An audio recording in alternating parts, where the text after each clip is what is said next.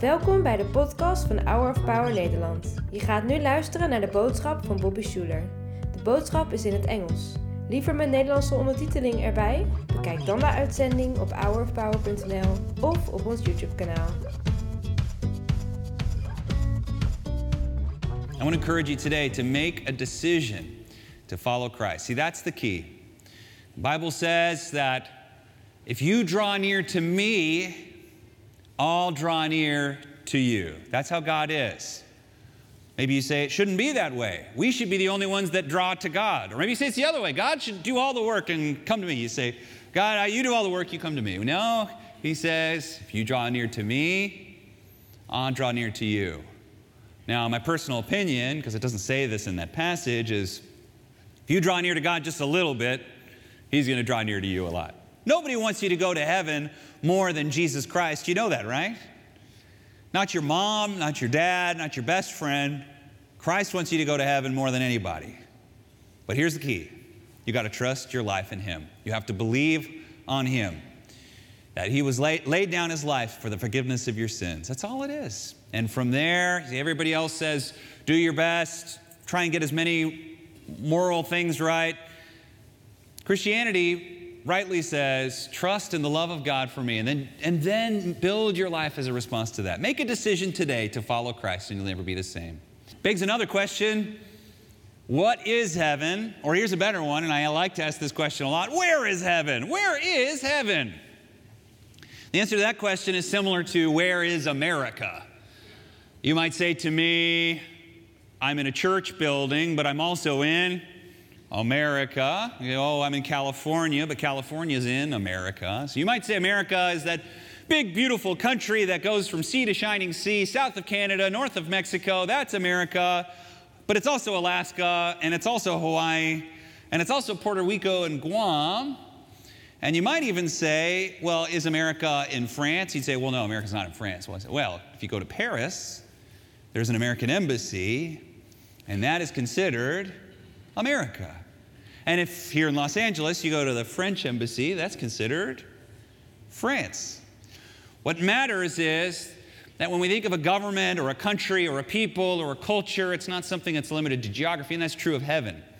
So when we answer the question, where's heaven? Jesus tells us there's three places heaven is. Number one, heaven is in your hands. It's at hand. You hear him say it all the time heaven is at hand. That means that when I do things, when I ask for it, when I receive it, heaven's right there. Second place Jesus says heaven is, heaven is in, is what? Within you. It's inside of you. Whoa, what does that mean? We'll get to that. And the third place, where is heaven? Well, heaven is the pearly gates. It's the Father's house. It's where we go when we die. So heaven becomes, like the way we describe America, not just something I go to when I die, it's something that's here and now. It's an idea, it's a feeling, it's the presence of the Spirit, it's the power of God, it's the Word of God. And here's the really, really interesting thing one of my favorite ideas in the Bible we can put stuff there now. We can put treasure, or may, maybe say wealth or riches in this space that's not just when we die, something I can get at. It's in me. If heaven is in me, then treasures in heaven are where? Say it. In me. They're in me. If kingdom of heaven is at hand, then treasures of heaven are what? At hand. If you're confused, don't worry about it. We're going to get you there. Jesus says there's not just one kind of wealth, there's two kind of wealth. There's not just one kind of treasure, there's two kind of treasure. There's not one kind of rich, there's two kind of rich. Two ways to describe a rich person. There's two types of treasures. Now, religious people like to act like the first one doesn't matter to God, but it does. He tells us plainly this is important to God. Ask for it, He'll give it to you. And that first type is earthly treasures. What are some earthly treasures? Well, money is an earthly treasure, and it's a good thing when good people have it. Planes, trains, and automobiles, factories, buildings, these are earthly treasures. Clothes, your new clothes, earthly treasure, new jacket, your new purse, your new shoes. Those are earthly treasures. And believe it or not, those matter to God. But Jesus says, here's the problem with earthly treasure. Here's the real problem it's the turnaround. It's the fact that, yes, you loved those shoes three years ago, but today, I don't know. He says, Moth destroys your clothes. So you, you have a great robe, moths eat it away. You have uh, great silverware, the rust will destroy it. It'll destroy the hinges on your doors, it'll destroy your car. And worst of all, thieves break in and steal. Maybe you have some gold or silver in your safe. And the thieves could come and break in and steal your gold, your silver, and your double stuffed Oreos. Those are in my safe. It's a long story if you, first time you're hearing me talk, but I do keep Oreos in my safe. That's weird, I know. Just roll with it. Uh, yeah, yeah. Earthly treasures are wonderful. They're amazing. They're a gift from on high. But moth, rust, destroy, thieves break in and steal. And so Jesus tells, here's the second type of treasure. What is it? It's the kind of treasure that's in you. It's the kind of treasure you get when you die, and it's the kind of treasure that's in your hand. It's the kind of treasure no one can see. It's the kind of treasure when we talk about personal development. It's the kind of treasure we talk about what you're accomplishing in your prayer life. It's the kind of treasure that happens when you memorize scripture. You begin to store things in hidden places. The heavenly treasures of this world lead to earthly treasures in this world that are blessed. That are blessed. Maybe you say, Bobby, I still don't get it. Let me just say it plainly. You may want your life to get better, and you're hoping, hoping, hoping it gets better. You're hoping your boss gives you a raise. You're hoping that the person buys the thing you're selling. You're hoping that you meet the girl or man of your dreams. You're hoping to find a good church. You're hoping to beat your addiction. You're hoping, hoping, hoping. These hopings will get you nowhere. Do not hope that things will get better. What gets better is you, or what gets worse is you. If heaven is within me, heaven is at hand, and heaven is God's will, then when I get something inside of me that no one can see, that is when the beginning changes. Life gets better when you get better. Life gets better when you get better. When a plant is planted, when a seed is planted, it grows down before it grows up. The roots grow before the crops grow. We cannot forget this universal principle like the setting of the sun, you must grow deep before you grow wide. And that is the treasure you should be seeking after is the development of the personalities, the attitudes, the skills, the methods, the rhythms of life that build in you who you want to be. You have to believe you can become that kind of person. Manners are important. Err on the side of manners. Confidence is important. The ability to lead and make crucial decisions and be calm. Imagination is important. The ability to picture what an organization can become, or who I can become, or who could be my friend, or where I could go. Wisdom, one of the greatest of all, the ability to sort through knowledge and pick what I need for now. Critical thinking, the ability to ask the right kinds of questions. Vocabulary, the ability to communicate with better words what I'm thinking, what I'm feeling, where I want to go, who I want to be. Faith, the kind of thing that manifests itself in things like healing power and good leadership and, and believing and trusting in God. And what about the simple thing of joy? Just being a joyful, mirthy person that can light up a room. We could go on and on, but what we ought to do is frame in our life a list of the kinds of unseen treasures we need now. If you don't have the unseen treasures and you have a million bucks, a hundred million bucks, it doesn't matter. But if you begin to build into your life the kind of skills, attitudes, and and possibilities and all of the things that make us who we are, then your future looks a lot brighter. Yeah, you don't need to believe in yourself today. You need to believe in yourself tomorrow. You don't need to believe in yourself today if you've messed up, if you find yourself in a ditch. What you need to believe in is the methods, the practices, and the disciplines that get you out of the ditch. What you need to believe in is who you can become, and you can become anyone you want by getting better here by storing up treasure here and here, here. That's it, man. Life gets better when you get better. And here is, I think, at the top of the list, if you had to pick one, the number one heavenly, unseen treasure you can store up for yourself, and that is goodwill. Sometimes the Bible uses the word favor. I like the word goodwill. It's one that's used in organizations and businesses. Goodwill looks like this when someone thinks of you, they think of someone they would trust their kids with. They think of someone that would do something really well with their money. You're like the, in the parable, you're like the guy who gets the five talents and turns it into 10. Goodwill is the idea that I trust this person with my stuff, with the things that are important to me. I trust this person that when my back is turned, they'll stick up for me. Goodwill is you're the one that stands out from all the rest.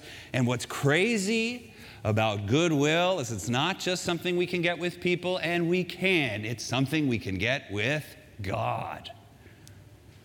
If you have goodwill with God, doors begin to fling open for you. But having goodwill with God and goodwill with people means you build up the things within you that earn that goodwill. Yes, God loves you just as you are, and God's gracious towards you, but there is favor that God will pour out on your life. As I said in the beginning, if you draw near to God, He'll draw near to you. We must draw near to the Lord. And as we earn favor with the Lord and goodwill with Him, you'll actually see that you'll start to get goodwill with good people, and that's a great thing to have too. So, how do we deal when there's offense, when people are mean, when people are cruel to us? There's an earthly way to do it, there's a heavenly way. The earthly way is to lash out, to tell it like it is. The heavenly way is with respect and gentleness. Nobody likes doing that. Here's the setting for 1 Peter chapter 3, which we'll read in just a second. In 1 Peter chapter 3, we hear about a guy named Nero. He was a Caesar who was a nutcase. Peter says, Who's going to harm you? He tells him, Just do it, just keep doing what is good. And he says, Who's going to harm you if you are eager to do good? That's a great question. But even if you should suffer for what is right, you are blessed. That word blessed is makarios, it also means happiness. That means if you do what is right in life, you'll be a happy person. If you stop worrying about your reputation and just focus on being right here, you'll be happier. Don't fear their threats. Don't be frightened. But in your hearts, revere Christ as Lord. Always be prepared to give an answer to everyone who asks you to give the reason for the hope that you have. But do this with gentleness and respect. Look, that is a good question. Peter begins by asking this question Who is going to harm you if you do what is good? That's a good question. Will God harm you if you are eager to do what is good? The answer? No, right? God's not going to harm you. Will good people harm you if you are eager to do good? And the answer is um, no. If they do, they're not good people. So, who would harm you if you did what is good? And the answer is people of questionable character. And we are too comfortable trying to get people of questionable character to like us, love us, appreciate us, root for us. That's the kind of goodwill you'll never get. But I promise you one thing that goodwill will not get you very far. Because here's what people of questionable character think about love love is what I feel towards you. And what that means for many people of questionable character is they will say they love you until they're done using you. They say they will be there for you until you have nothing left to give them.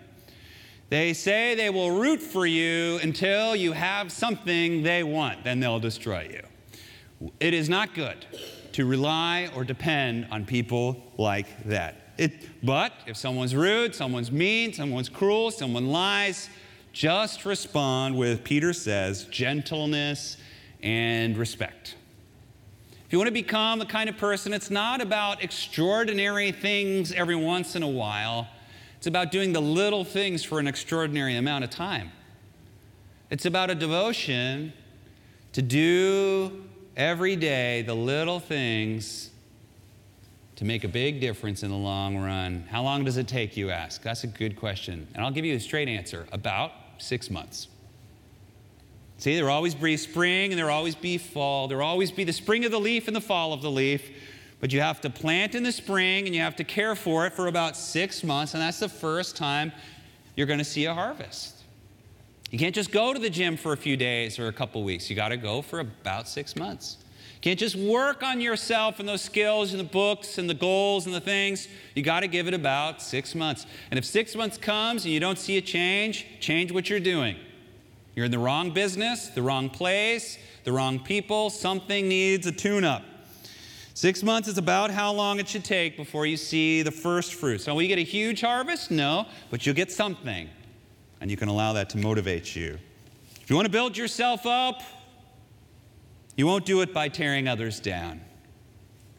You want to build yourself up, you won't do it by tearing others down. Here's how you build yourself up you build yourself brick by brick by brick brick by brick. When you read the books, that's a brick. When you start the day off right, that's a brick. When you clean up your desk, clean out your garage, clean your house, that's a brick. When you apologize to your spouse, that's a brick. When you read the book about how to do better as a parent, do better as a husband or wife, that's a brick. You're building a brick. When you fire some friends that you need out of your life, the toxic ones, you've built a brick. When you grab a mentor, or some good friends that are like the way you want to be, that's a brick. And every day, as we practice these disciplines, we're putting the bricks in our life that are going to form who we're going to be. Five years from now, you're going to be different. But how different is up to you. You're going to be different in a bad way or different in a good way. And I'm urging you today to understand that the more of these bricks you place every single day, the more you are building something that people notice. And can we just say, it is hard to hide talent? It is hard to hide a good reputation. It's hard to hide someone with the kinds of skills and abilities that people want to be around. It's hard to hide joy or a good vocabulary. It's hard to hide the kinds of things that make us grow and that we develop in. So, my friend, just trust me. Trust the pace of God. God won't take forever, but He's never in a hurry. Focus on you. Compare yourself to you. Work on you. Believe in who you can become. And when you change, things change. When you get better, things get better. And every day is an opportunity to take one more brick, one more step to becoming who you're called to be. So, Lord, we thank you and we ask in Jesus' name to build into us the kind of rhythms, the kind of books, the kind of podcasts and sermons, the kind of prayers, and the kind of people that will help us become who we need to be. And we ask it in the strong name of Jesus.